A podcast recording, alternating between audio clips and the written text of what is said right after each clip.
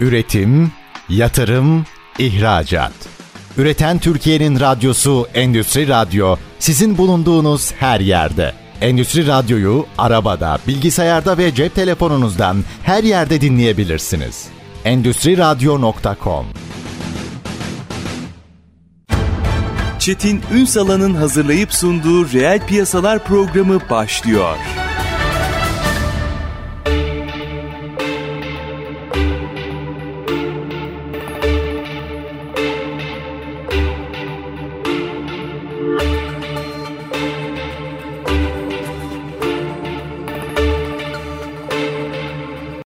Piyasalardan merhabalar. Türkiye'nin gerçek gündeminde birlikteyiz efendim. Bugün esnaf konuşacağız. Ama sadece hani genel anlamda esnafı da konuşacağız ama spesifik anlamda aslında hepimizin hayatında var olan, ne olursa olsun var olan bir esnafı konuşacağız. Berberleri konuşacağız. Yani buna zaman zaman işte kuaför diyoruz güzellik. Bu, bu değişiyor ama berber. Günün sonunda aslında hani odanın bile adı öyle. Çok kıymetli bir konumuz var. Bayrampaşa Erkek ve Kadın Berberler Esnaf Odası Başkanı Eda Yıldız Karada bugün bizlerle birlikte. Sayın Karadağ hoş geldiniz. Hoş bulduk merhabalar. İyi yayınlar diliyorum. Var olunuz. Sanıyorum gerçekten her insanın hayatında olan bir meslek grubusunuz. Evet. Herkese temas ediyorsunuz bir şekilde. Hani bazen saçımız dökülüyor ama sakal tıraşı oluyorsunuz erkeklerde mesela. Hanımefendiler çok daha farklı tabii. Baktığınızda bu kadar herkesin hayatıyla içli dışlı olmanıza rağmen insan dışarıdan şöyle düşünüyor. Aa işler müthiştir. Hadi biraz piyasanın nabzıyla başlayalım. Evet. Tabii ki bugün insan kaynağından sağlığa kadar birçok şeyi konuşacağız, açacağız ama hı hı. asıl esas esnaf ne yaşıyor, ne durumda? Esnaf savaşıyor diyebilirim size açıkçası aslında ülke ekonomisini ayakta tutan küçük esnaftır. Bunu herkes biliyor. Klişeleşmiş bir cümle Taşıyıcı olacak. konu. Onunla başlıyorum ama gerçekten öyle. Sadece berber, kuaför olarak değil, küçük esnaf olarak adlandırdığımız her sektör ekonomiyi ayakta tutuyor aslında. Bizim sektörümüzde de her sektörde olduğu gibi bir takım sorunlar, problemler mutlaka var. Ancak şöyle diyebiliriz. Covid döneminde başlayan bir sarsıntı oldu. Yani yıllar içerisinde zaten sorunlar var ama ülkenin yani ülkenin sosyolojik durumunu etkileyen her etken bizim sektörümüze yara aldırıyor açıkçası. Bu Covid dönemiyle başladı. Covid döneminde en çok yara alan sektörlerden biriydik. Zor bir dönemdi gerçekten. Çok zor bir dönemdi. Yani zor ayrı ama gerçekten çok zor bir dönemdi. Şimdi biz sektör olarak şimdi herhangi bir ürün satmıyoruz. Bir pazarlama yapmıyoruz. E-ticaret yapamazsınız evet, mesela. Evet, evet. Yani bizler normal şartlarda dükkanında oturup çayını kahvesini hazırlayıp müşterisini bekleyen bir kesimiz. İşte müşterinin canı sıkılacak da e, saçını kestirecek veya işte atıyorum vakti gelecek de sakal tıraşını yaptıracak. Biz biraz müşterinin keyfi yani ruh halini bekliyoruz açıkçası öyle söyleyeyim. Ve hazırda kenarda bir bütçesi olan belli bir birikimi olup da işte o parayla kendini geçindirmeye çalışan kesimiz. Biz günlük sıcak para kazanıyoruz. Yani bugün kaç kişi geldi? Beş kişi geldi atıyorum örneğin işte bin lira para kazandı cebinde. Ama o bin lira o berberin kuaförün aslında kazandığı para değil kiraya Ciro. gidecek gelecek tabi kiraya, vergiye, elektriğe, suya işte varsa personele buna harcayacağı bir bütçe oluşuyor. O sebepledir ki gerçekten Covid döneminde çok zor şeyler yaşandı. İntihar eden meslektaşlarımız oldu bu durumu kaldıramayan.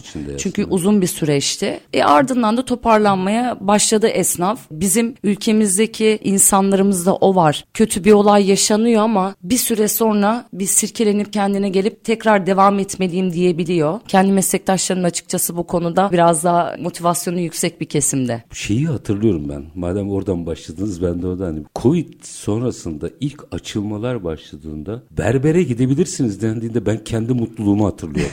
yani çünkü çok enteresan bir duygu. Siz başka yere de gitmezsiniz. Orada ilginç bir müşteri ve esnaf ilişkisi var. Evet. Yani bu sanıyorum hanımefendilerde de böyledir. Erkeklerde de böyle. Yani şöyle diyeyim örnek vereyim. Ya ben Acıbadem'deyim. Ben hala Bakırköy'deki berberime giderim. Çok güzel. Bu ilişki nasıl kuruluyor? Hepimiz yaşıyoruz ama çok rutin, enteresan bir şekilde bir bağ oluşuyor. Evet. Bu nasıl oluyor? Çok küçük şunu belirtmek istiyorum. Ben de yani aileden gelen benim annem çok eski kuafördür. Kadın kuaförü. 42 yıl bu mesleği icra etti. Müşterileriyle bazen diyaloglarını konuşmalarına denk geliyordum. Söylediği bir söz var hala kulağımda küpedir. Der ki bir insan hiçbir zaman doktorunu ve kuaförünü değiştirmeyecek. Gerçekten öyle. Çok doğru. Yani siz gittiğinizde sizin ruh halinizden ne yapmak istediğinize kadar atıyorum küçük bir örnek vereceğim. Bir müşterisi vardı mesela. Eşi mesela sürekli saçının rengini değiştirmesini isterdi. O dönem Şakire'ye hayranlığı var. Kadın saçını sapsarı yapıyor. Eşi diyor ki hemen saçlar sarı olacak. İşte uzun siyah istiyor hemen uzun siyah olacak. Şimdi normal sürecinde de gittiğinde keyfi yok kadının canı sıkın anlardı. Derdi ki ya gel biz bugün senin saçını yapmayalım. Sana bir manikür yapalım. Ya da işte atıyorum gel güzel saçına bir maşa atalım. Değişiklik olsun hep düz kullanıyorsun diye. Ya bu müşteriyi tanımasıyla alakalı. Yani müşteri ve bizim meslektaşlarımız arasındaki oluşan o bağdan kaynaklı bir şey. bir bağ bu. Evet. Bu erkeklerde de aynı, kadınlarda da aynı. Ya bırakmıyorsunuz o şekilde. Evet. Bir de ilginç bir ya geleceğim tekrar esnafa ama ilk önce bir yapıyı konuşalım. İlginç bir yan daha var. Bir mesela bir bakkala gidersiniz ki bakkallar da özeldir onu da biliriz ama bir bakkala gidersiniz alışveriş yapar çıkarsınız. Enteresan bir sosyal alan özelliği var. İnsanların buluştuğu, belki arkadaşların oralarda randevulaştığı, sohbet ettiği ilginç bir sosyolojik boyutu da var berberlerin. Şimdi bu konuyu belki biraz açmak lazım. Orada bunu sağlayacak ekosistemi nasıl sağlıyor esnaf? Yani tamamen iletişim. Çoğu kez kullanır aslında bu terim. Berber sadece berber değildir. Yeri geldiğinde psikologtur diye. Evet, evet, evet. İnsanlar aslında kimi zaman oraya gidip böyle bir sohbet etmek, derdini anlatmak, bir şeyini paylaşmak için bile çoğu zaman gidiyor. Ya amacı orada saç kestirmek değil, içini boşaltmak bir nebze. Esnafın aslında böyle bir özelliği var. Yani dediğim gibi sadece berber kuaförün değil ama bizlerde bu iş bir tık daha fazla. Şimdi bakkala giriyorsunuz, bir ürün alıyorsunuz. O esnada belki Bir sohbet iki o kadar. dakika kısa Evet. bir iki dakikalık sohbet olabiliyor ama bizde birebir işlem yaparken sohbet etme fırsatınız olduğu için 45 dakikada konuşabiliyorsunuz. 3 saat süren işlemde 3 saatlik de bir sohbet olabiliyor. Bu güzel bir şey. Hem müşteri hem de bizim meslektaşlarımız açısından kendilerini geliştirmeleri anlamında da bir şeyler katabilmeleri anlamında da müşteriyi anlayabilmeleri anlamında da birçok noktaya değindiği bir durum. O yüzden bizim mesleğimiz aslında yani bunu tekrar konuşuruz diye düşünüyorum ama e, küçük bir şey eklemek istiyorum. Biz aslında bir ürün satmıyoruz. Biz orada başta zaten sanata ilham kaynağı olan bir mesleğiz biz. Biz terziyi de bağlıyoruz, fotoğrafçıyı da bağlıyoruz, mobilyacıyı da bağlıyoruz gibi gibi uzatılabilir bu konu. Çok fazla alana hitap ediyoruz. O sebepledir ki müşteri geldiği zaman mesela denk geliyoruz biz hala esnaf ziyaretlerimde mesela sohbetlerde denk geliyorum. İşte adam diyor ki ya ayna yaptıracağım senin bu aynaları yaptırdığın yerle beni görüştürebilir misin? Veya işte atıyorum bir hastane arıyor diyor ki ya işte böyle bir sıkıntımız var bununla ilgili bir doktor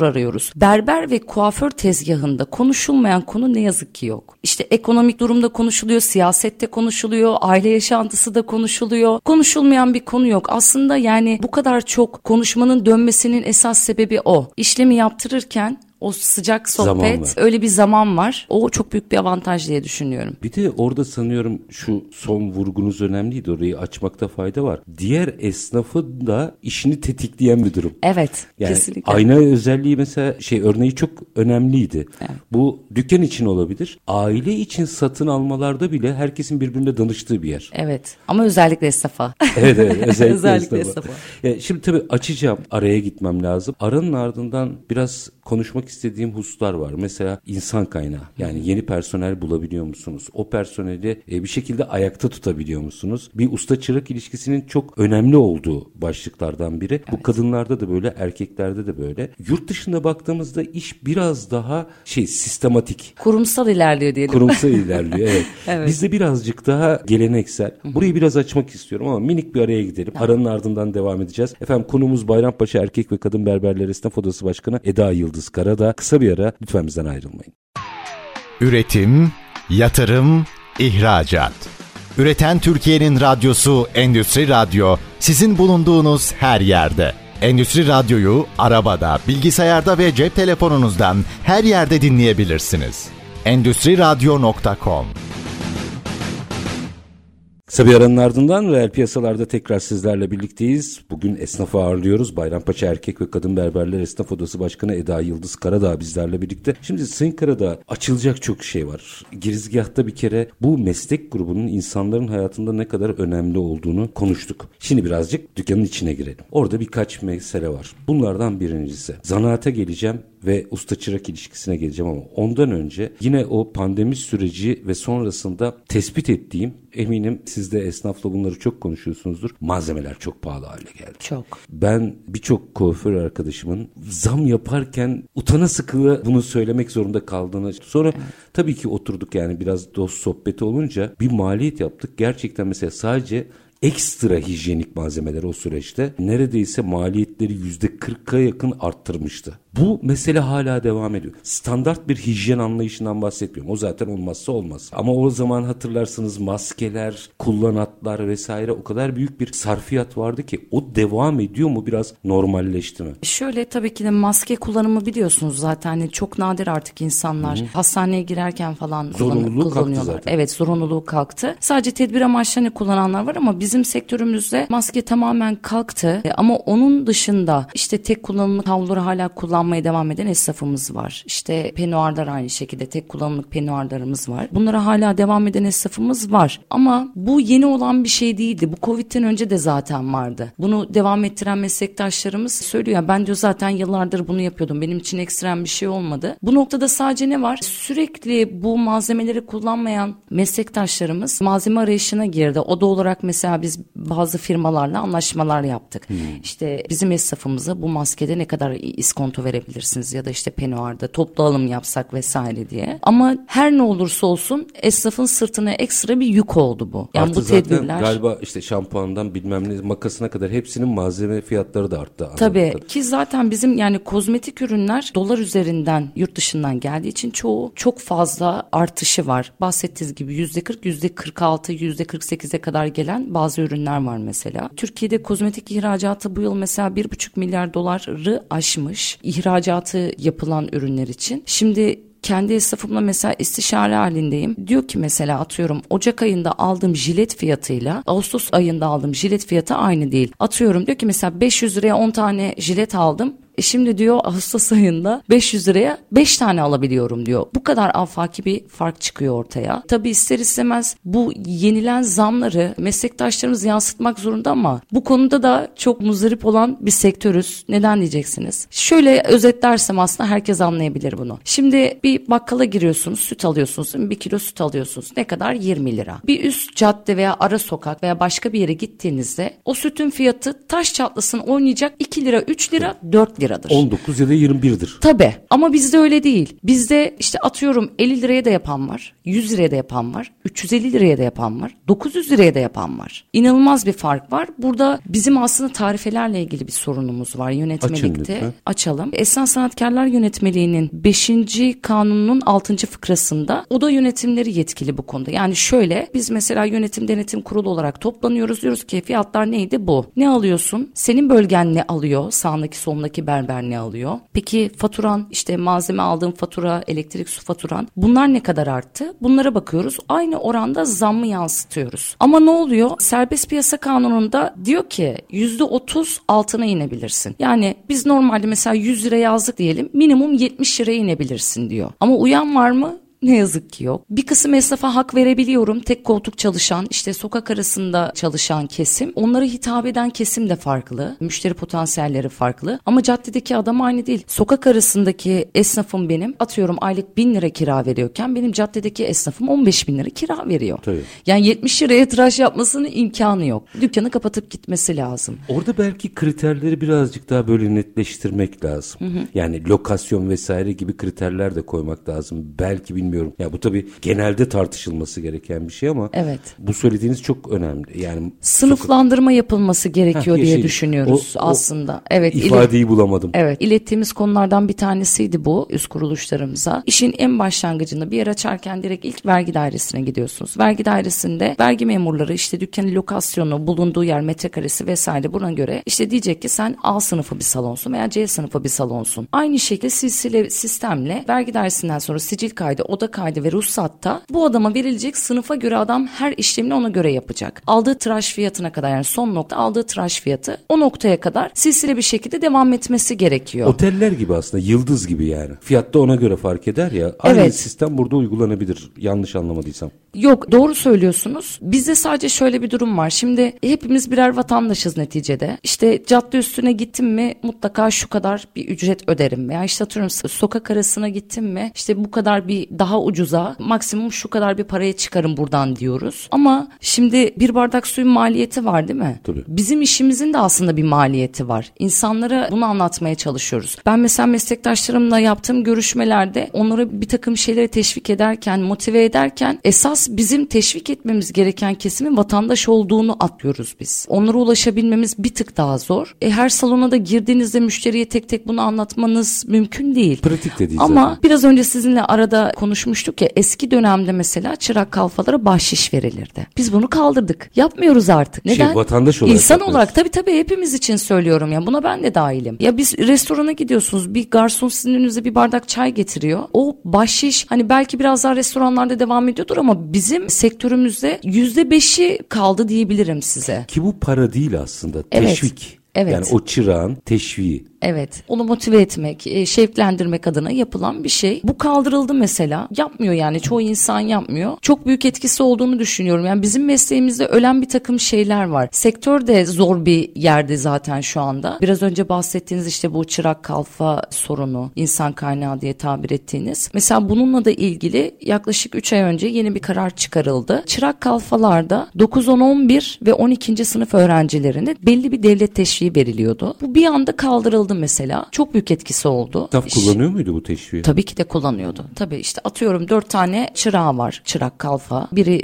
9. sınıf, diğer üçü işte atıyorum 11. sınıf. 9 10 11'de asgari ücretin %30'u, 12. sınıflarda da %50'si şeklinde bir devlet desteği veriliyordu. Tabii biz de hemen itiraz gösteren odalardan birisi olarak söz hakkımızı kullandık. Geçtiğimiz haftalarda yapılan bir toplantıda İstanbul İl Milli Eğitim Müdür Yardımcısı yani bu teşviğin tekrar geri geleceği müjdesini verdi. Bir şartla dedi 12. sınıflar hariç diye. Yine aynı şekilde yani çırak kalfa desteği devam edecek. Bu bizim hem meslektaşlarımıza çok büyük katkı. Öte yandan hani çırak ve kalfaya normalde çırağa maaş verilmez. Bahşişlerle Tabii, işte tabii, tabii. çalışır ya o çırak. O kaldırıldığı için onları da şevklendiren bir durum oldu. Atıyorum mesela 3402 lira 71 kuruştu yanlış hatırlamıyorsam. Bir maaş veriliyor. E bunun yanı sıra bu çocukta ekstra bir gelişim varsa, isteği varsa, katkı sağlıyorsa işletmeye, işletmeciler ona ekstra yine maaş verebiliyor. Ki tutsun. Evet. Tutsun. Çok zor. İnanın ki sektörün ne olduğunu hiçbir önemi yok. Meslek erbaplarının yanında ara eleman, çırak, kalfa bulundurmaları çok büyük sancılı süreçlerden geçiyor. Gerçekten o yüzden o çocukları orada tutabilmek, bir şeyler öğretebilmek, sektöre kazandırabilmek büyük emekler harcattıran durumlar. Ya çok bir de eski dönemde öyle kitabı değildi. yok. Yani evet. Zanaat görecek, eğitilecek, yanında yapacak. Kitaptan öğretemezsiniz kuaförlüğü. Evet. Ve hepsini öte isteyecek. İste- İstemesi tabii, tabii, çok tabii. çok daha önemli. Birçok sektör diyor ki yanımda çalıştıracak kimse bulamıyorum. Var mı sizde de? Yani Var. artık berberlik yapmak istemiyor mu insanlar? Yani şöyle Ya bunu yapay zekayı çok zor yaptırırsınız. Zanaat var kesinlikle kesinlikle. Robot çok zor yapar bu işi Şimdi yani. biz de hem meslektaşlarımızla sohbetlerde hem de farklı bulunduğumuz ortamlarda mutlaka dile getiriyoruz. Bağlı bulunduğumuz üst kuruluşumuz var İstanbul Esnaf Sanatkarlar Odaları Birliği. Faik Başkanı da selam olsun. Evet se- saygı ve selamlarımızı iletelim. Kendisinin desteğiyle İDDG grubuna görevlendirme aldım. Mesela burada dile getirmiştim geçen ayki toplantıda. Bu dediğim gibi sadece bizim sektörde değil her sektörde yaşanan bir sorun. Özellikle bizim sektörümüzde çok geçmiş yıllardan gelen de bir sorundu bu. İnsanlarda ne yazık ki şöyle bir kötü algı var. Meslek erbabı olan kişilerin eğer kurumsallaşma yoksa işte özel bir şirket olmamışsa mesela mobilya biraz daha kurumsallaşabilir diye söylüyorum. Daha özel bir şirket haline gelebilir diye söylüyorum. Biraz daha el emeğinin kullanıldığı meslek sahibi kişilere daha farklı gözle bakıyorlar. Bunu çok yakın zamanda tecrübe ettim esnaf ziyaretlerimde. İki tane küçük çocuğu olan bir anne geldi. Tıraş ettirmeye gelmiş çocuklarını. Çocuklardan bir tanesi saçını evde makasla kendi kesmiş yamuk yumuk. İçeri girdiğinde ben de hemen sohbeti böyle tatlılaştırmak adına dedim acaba sen yoksa berber mi olmak istiyorsun? Makas eline almışsın saçını kesmeye başlamışsın. Cümlemi bitirmeden annesi hemen müdahale etti. Yok yok yok dedi ne berberi dedi kesinlikle dedi berber falan olamaz. Yani o an ne diyeceğimi inanın bilemedim. Hani orada meslektaşımı da bir yandan Ay, çok ürkütücü bir şey bu. kesinlikle Yani öyle. Nezaketsiz sessizlik ayrı konu ama onun dışında mesleğe yaklaşım adına çok ürkütücü. Evet. O anda meslektaşımın ne hissettiğini düşünüyorum. Onu bir yandan hani düzgün cümlelerle kırmadan hani bu durumu toparlayabilecek bir sohbete geçirmek istiyorum vesaire. Şunu anlattım dedim ki yani bir berberin şu an ne kadar kazandığını dedim biliyor musunuz? Ne kadar kazanabilir ki sokak arasındaki bir berber dedi mesela. Bu da enteresan. Şimdi bu aslında çok enteresan bir başlığa açtınız. Acaba sadece ne kadar kazandığı mıdır kriter? Zanaat denen bir şey var. Evet işte insanlara yani vatandaşlarımıza bunları doğru anlatabilmek önemli. Biraz önce bahsettim. Geçtiğimiz ay toplantıda ben şunu dile getirdim. Şu anki ara eleman sorunu çırak kalfanın bulunmamasının sebeplerinden bir tanesinin ben yüksek sebeplerinden bir tanesi aileler olduğunu düşünüyorum. Ben 33 yaşındayım 9 yaşında çalışmaya başladım. Zorla yani ailem istemedi ama zorla ben çalışacağım dedim ve iş hayatına girdim. Ama ben girmesem bile mesela bir de abim var benden 18 ay büyük. Şimdi her ikimizi annem meslek erbabı olduğu için ben yazın ve işte hafta içi okuldan sonra mutlaka annemin yanında olurdum. Klasik Ona- esnaf çocuğu. Evet. Tabii. Abimse işte Laleli'de tekstil işi yapan dayımın yanında çalışırdı. İnanın size altı katlı han asansör olmasına rağmen sırtına bindirirdi çuvalı. Altı kat yukarı çıkaracaksın derdi bunu. Bu ihtiyaçtan değil bu çocuğun çalışma ihtiyacı olduğundan değil. Onu hayata öğretmek içindi aslında. Ve abim benim mesela BESÖ mezunu yüksek lisansını yapmış. Şu an kendi işini yapıyor. Ama hayatı çalışma hayatını öğrendiği gibi mücadele etmeyi de öğrendi. Burada aslında anlatmak istediğimiz şey o. Milli Eğitim Bakanlığı'nın ailelere ulaşma olasılığı çok daha yüksek olduğu için ben bununla ilgili aslında bir adım atılması gerektiğini düşünüyorum. Burada ailelerin çocuğunu mutlaka bir meslek erbabının yanına verip bu çocuk sadece işte atıyorum bir sandalye yapmayı öğrenmeyecek. İşte atıyorum bu çocuk sadece bir saç kesmeyi öğrenmeyecek. Bu çocuk oradaki mücadeleyi görecek. Bir işletme sahibinin nelerle savaştığını, savaştığı şeylerde nasıl karşılık verdiğini, işte orada yapılan sohbetlerde kendini alabilecek öğütleri vesaire vesaire vesaire. Bu sadece meslek öğrenmek anlamında değil. Bu pişmekle etmek. alakalı bir şey. Kesinlikle öyle. İnsani pişmekle alakalı. Kesinlikle. Tabii şimdi 33 yaş deyince belki bir tık ötesini hatırlamayabilirsiniz. Eskiden bu rutindi. Evet. Çocuklar yazın bir yere verilirdi. Evet. İlla işte terzinin yanına verilir, terzi olsun diye değil. Bakkalın yanına verilirdi, bakkal olsun diye değil. Olanlar olurdu. Severse devam edenler olurdu. Ama o bir hayata dair bir disiplindi. Galiba biz zanaatin, esnaflığın, esnaf ahlakının önemini unuttuk galiba. Kesinlikle öyle. Victor Hugo'nun çok sevdiğim bir sözü var. Der ki ucuz olan yalnız insan emeği kaldı. İnsan emeği sudan ucuz yani bedava. Biz insan emeğine değer vermiyoruz artık. Bizim mesela yine ziyaretlerimde denk geldiğim bir takım sohbetler oluyor. İşte atıyorum saç sakal bedeli ne kadar? 500 kadar. lira diyelim. İçeri giriyor müşteri. Ne yaptın ki diyor. Geçen sene de aynı saçı kesiyordun şimdi aynı saçı kesiyorsun. Geçen sene 300 lira veriyordum şimdi diyor 500 lira istiyorsun. Ama insanların anlayamadığı şey şu. Bu adam sana hizmeti verebilmek için orada her ay kira ödüyor. Elektrik, su, doğalgaz ödüyor. Senin tıraşını yapabilmek için aldığı jilet şu an geçtiğimiz yıl 1 lirayken şu an 5 lira. Bunları hesaba katmıyorlar. Bunu söyleyen vatandaş geçen seneyle aynı maaşı mı alıyor acaba? İşte ben de e, meslektaşlarıma bunu söylüyorum. Diyorum ki şöyle bir şey yapabilirsiniz diyorum. Bir yazı hazırlayın. Müşterilerinizin görebileceği şekilde. Deyin ki bu işletme 2023 Ocak ayında aylık bu kadar kira veriyordu. İşte 2023 Temmuz ayında bu kadar kira vermeye başladı. Bu kadar elektrik faturası ödüyorken şimdi bu kadar elektrik faturası ödüyor. Bunları belirtin diyorum. Yani belli ki Şeffaflaşın diyorsunuz. Yani yapacak başka bir şey yok. İşte demek istediğim bize empati yok ne yazık ki. Sizin aldığınız peynirle aynı peyniri alıyorum ben de. Aynı zammı ben de yiyorum. İnsanların bunu anlaması Artı lazım. Yine söyleyeyim. Bunu söyleyen vatandaş da geçen seneyle aynı maaşı almıyor ki. Evet. Çok enteresan.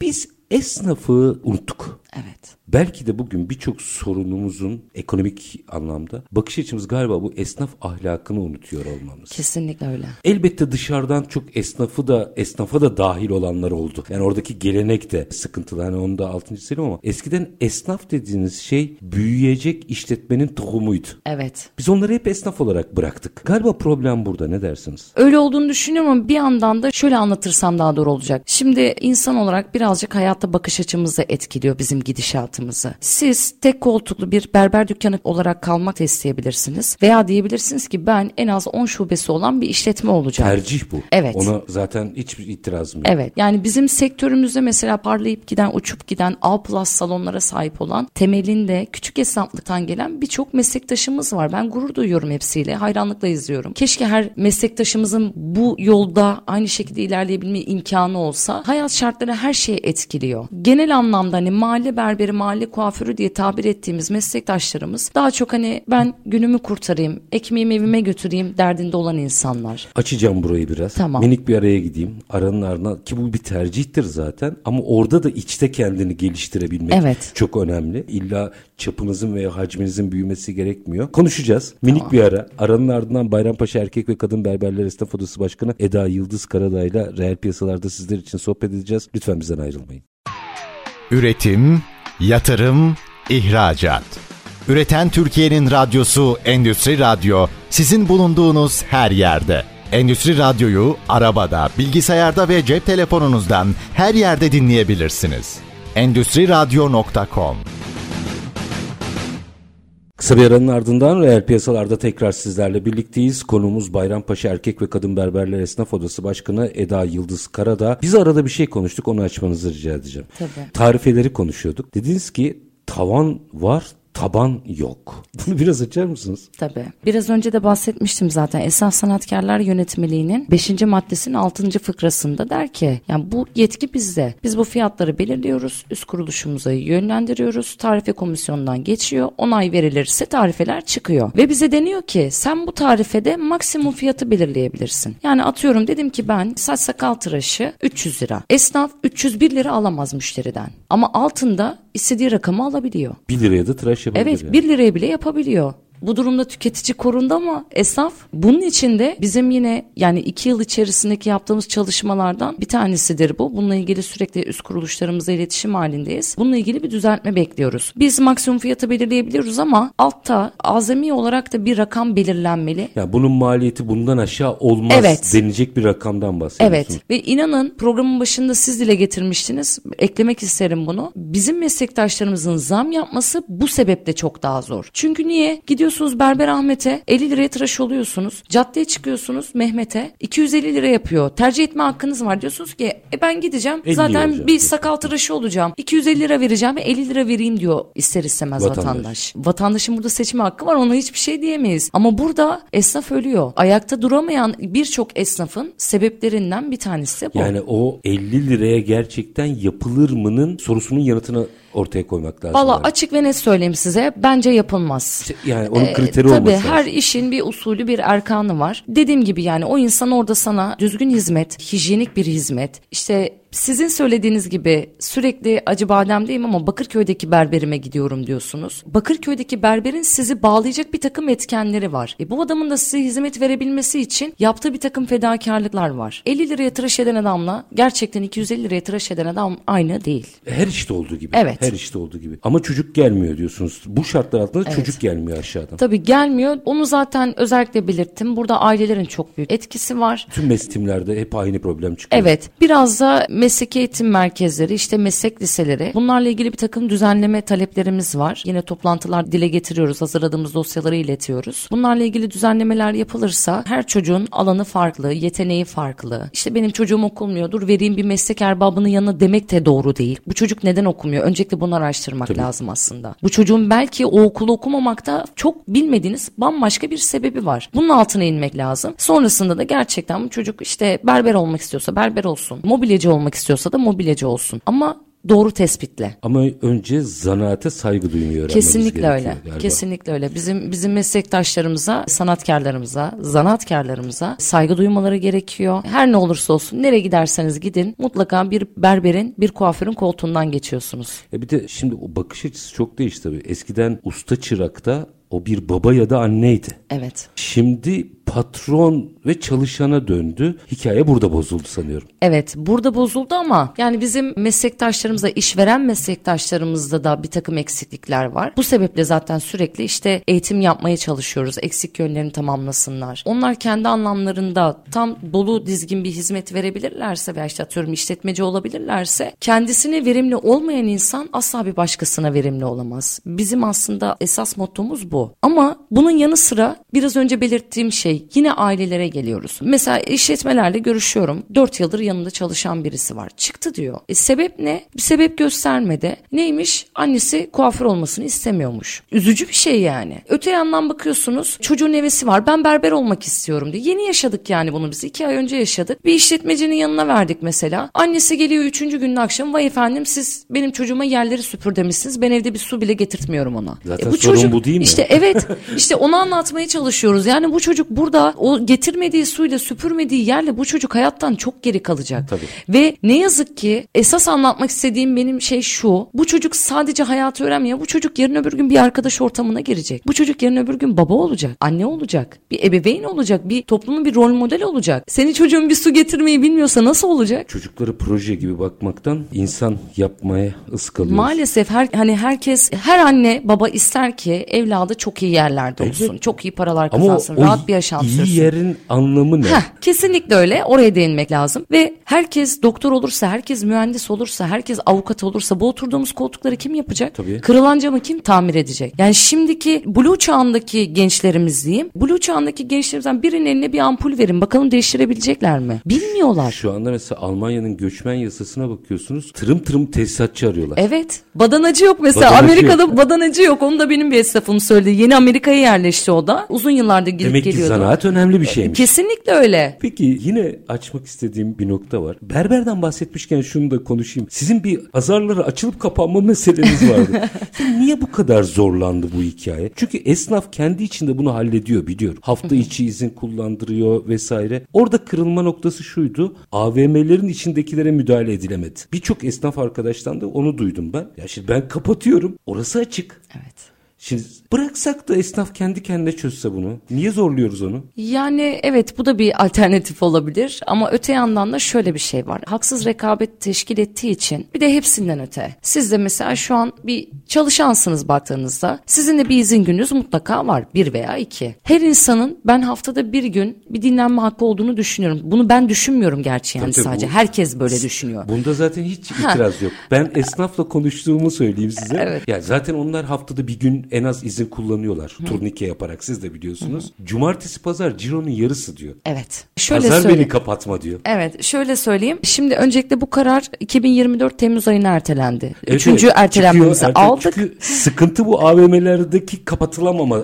Aslında meselesi. şöyle söyleyeyim Çetin Bey. Şimdi esas mesele AVM'deki salonlar, işletmeciler değil. Şimdi bu adamlar bir yatırım yapmış ve AVM'de işletmecilik yapmaya karar vermiş. AVM'nin kuralları var o yüzden Kes- kapatamıyorlar Heh, zaten. Kesinlikle öyle. Kesinlikle öyle. Ama öte yandan şunu belirteceğim. Burada esas mesele AVM değil. Burada yaklaşık 18 yıl aşkın süredir erkek berberlerin pazar günü kapanmasıyla ilgili bir gelenek oluşmuş artık. İnsanlar biliyor. Vatandaş da bunu biliyor. Berber de bunu biliyor. Pazar günü kapalıyız diyor. İşin içerisine kadın kuaförlerini sokmaya çalıştıkları noktada kıyamet koptu. Tabii. Buna ilk karşı çıkan odalardan bir tanesiydik biz. Bize yazı geldi. Dendi ki işte kararınızı açıklayın. Bize dedik ki kendim ya şahsım adına şöyle bir yorum yaptım. Şimdi ben oda başkanıyım ve ben bunu esnafıma sormadan kendi başıma canımın istediği gibi bir karar yazamam yani. Ve yazının geldiği günün hemen sabahına odada referandum yaptım. Bunu da ilk yapan oda, odaydım yani. Pazar günü gelin başı var hadi yapın bakalım. Tabii. Ya Zaten. inanın ki çok detayına girdiğinizde çok farklı şeyler çıkıyor işin içinden. Şimdi bir kere benim esnafım, kadın kuaförüm yoğunlukta yani yüksek bir oranda pazar günü kapatmaya kesinlikle karşı çıktı. Hafta içi bir gün olsun dediler. Pazartesi olur, salı olur, çarşamba olur. Ki bizim konuşmamıza göre pazartesi yoğunlukta. Öte yandan şimdi bu kararı isteyenlerin birkaç tane sebebi var. Diyorlar ki öncelikle Avrupa'daki sistemi kuralım. Ya şimdi Avrupa'daki sistemi kurabilmeniz için bu insanlara aynı ekonomik şartlara, aynı yaşam standartlarını vermeniz Yaşayın. gerekiyor. O standartlara sahip olan insan, cebi dolan insan, derdi olmayan insan pazar günü niye çalışsın ki? Bunu bir sormak lazım öncelikle. İkinci bir sebep aile yapısı bozuluyor dediler. Biraz önce bahsetmiştim. Annem benim 42 yıl bu mesleği icra etti. Biz bir pazar anne ne olursun pazar kahvaltısı yapalım dediğimizde annem o gün dükkanı açmıyordu. İnisiyatifinde çünkü. Yani tabii ki de ve işin en enteresan yanı şu Covid'le daha çok ortaya çıktı bu. Bizim esnafımız artık tamamen randevulu sistemde çalışıyor. Evet, doğru. Yani pazar günü saat 12'ye kadar müşteri alıp almama imkanı sizin elinizde biraz da. Çalışanınız varsa yanınızda o çok çok daha kolay. Tek çalışanlar için biraz daha zor olabilir. Diğer bir mesele gelin başı konusu. Şimdi sizin oğlunuz evleniyor. Beni davet ettiniz düğüne. Siz şimdi gelin başı için gideceksiniz. Salon açılacak davetiyeleri izin alınacak.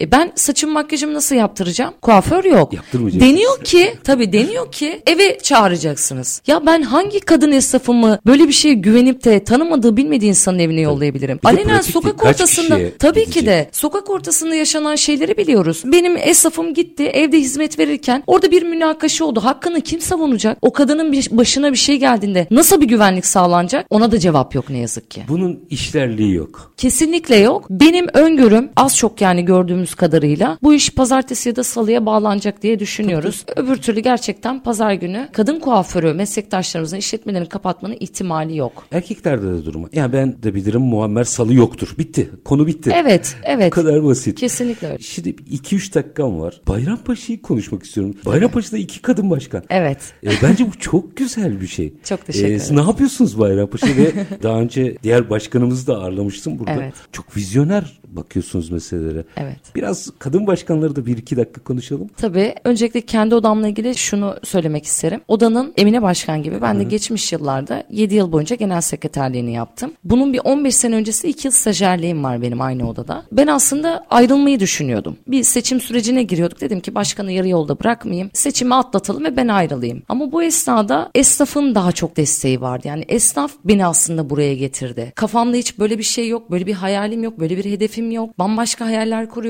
ve esnaf niye sen olmuyorsun? İşte mevcut başkana da niye Eda yapmıyoruz dedikleri noktada bir baktım ben seçim sürecine girdim. Gerçekten çok zorlu süreçlerdi. Çalıştığım dönemde de çok zor şeyler yaşadım. Adaylık sürecim bir tık daha kolaydı çünkü 7 yıl boyunca esnafımla hep sıcak ilişki halindeydim. Onun çok büyük etkisi var. E kadınsınız, gençsiniz. Sağ olsun sizin gibi erkekler özellikle çok büyük destek verdi. Kadınların desteği gerçekten çok önemli ama erkeklerin de bakış açısı biraz farklı oluyor. Bizi kadın mı yönetecek diye düşünen zihniyetler olabiliyor. Bu noktada ben açıkçası %90-95 erkek esnafımın çok büyük desteğini aldım. Yürü biz arkandayız. Sen ne dersen onu yaparız. Biz seninle aynı yolu yürüyoruz diye. 3 adaylı girdiğim seçimde 3 katı oy farkıyla seçimi kazandım. Bayağı sesli bir seçim geçirdik. Ve daha aslında genel sekreterken bir de tabii anne de var işin içinde. Anne de bu meslekteydi yıllarca. Gördüğüm bir takım eksiklikler var, sorunlar var, çözüm bekleyen konular var, yapılması gereken şeyler var. Bu süreçte de neler yapabilirimi kendimce çıkardım. Esnafın karşısına geçtim ben adayım dedim seçimi kazandık çok şükür. Göreve geldikten sonra da yani hız kesmeden ilk gelişimizde zaten odanın vizyonunu değiştirdik biz. Daha kurumsal, daha vizyoner, daha farklı bakış açısı. İnsanlar artık odaya geldiğinde bile kapıdan içeri giren esnafım şey diyor. Doğru yere mi geldim? Ve odaya her giren Mesleğe olan güveni bile tazeler. Kesinlikle öyle. Biraz önce arada bir şey konuşmuştuk hatırlarsanız bir esnafımın bahsettiği şey. Bunun gibi çok şeyleri duyuyoruz biz. Mutlu da oluyorum bundan. Ve içeri giren insanlarda özellikle erkeklerde girdikleri gibi bir sağa sola bakıp vay gerçekten kadın elindeydi belli oluyor diyorlar. E bunlar da bizi mutlu ediyor. Ama onun yanı sıra yaklaşık iki yıldır yedincisini gerçekleştireceğimiz sosyal sorumluluk projeleri yaptık. Eğitimler düzenliyoruz. Mesleki ve teknik anlamda geliştirebilecek eğitimler, organizasyonlar, meslektaş toplantıları, firma anlaşmaları vesaire. Bunları yapıyoruz. Aktif bir halde çalışan bir esnaf odasıyız. Yüreğinize sağlık. Layık olabiliyoruzdur umarım. Ben dışarıdan gazeteci gözüyle gördüğümü söyleyeyim. Ne yaparsınız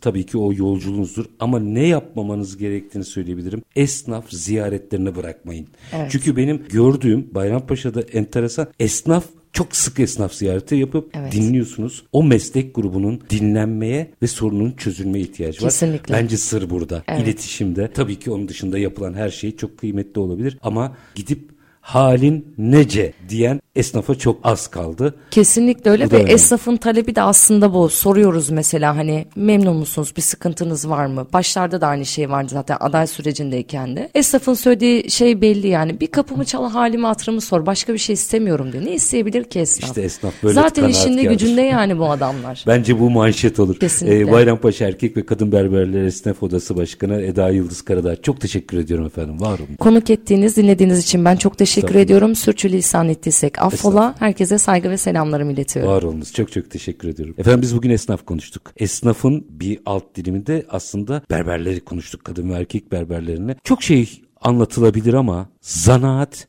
kıymetlidir. Zanaatkar kıymetlidir. Esnafı ayakta olmayan ekonomilerin yarınla gitmesi de tesadüfidir. Biz her zamanki bitirelim. Şartlar ne olursa olsun paranızı ticarete, üretime yatırmaktan, işinizi layıkıyla yapmaktan ama en önemlisi vatandaş olup hakkınızı aramaktan vazgeçmeyin. Hoşçakalın efendim.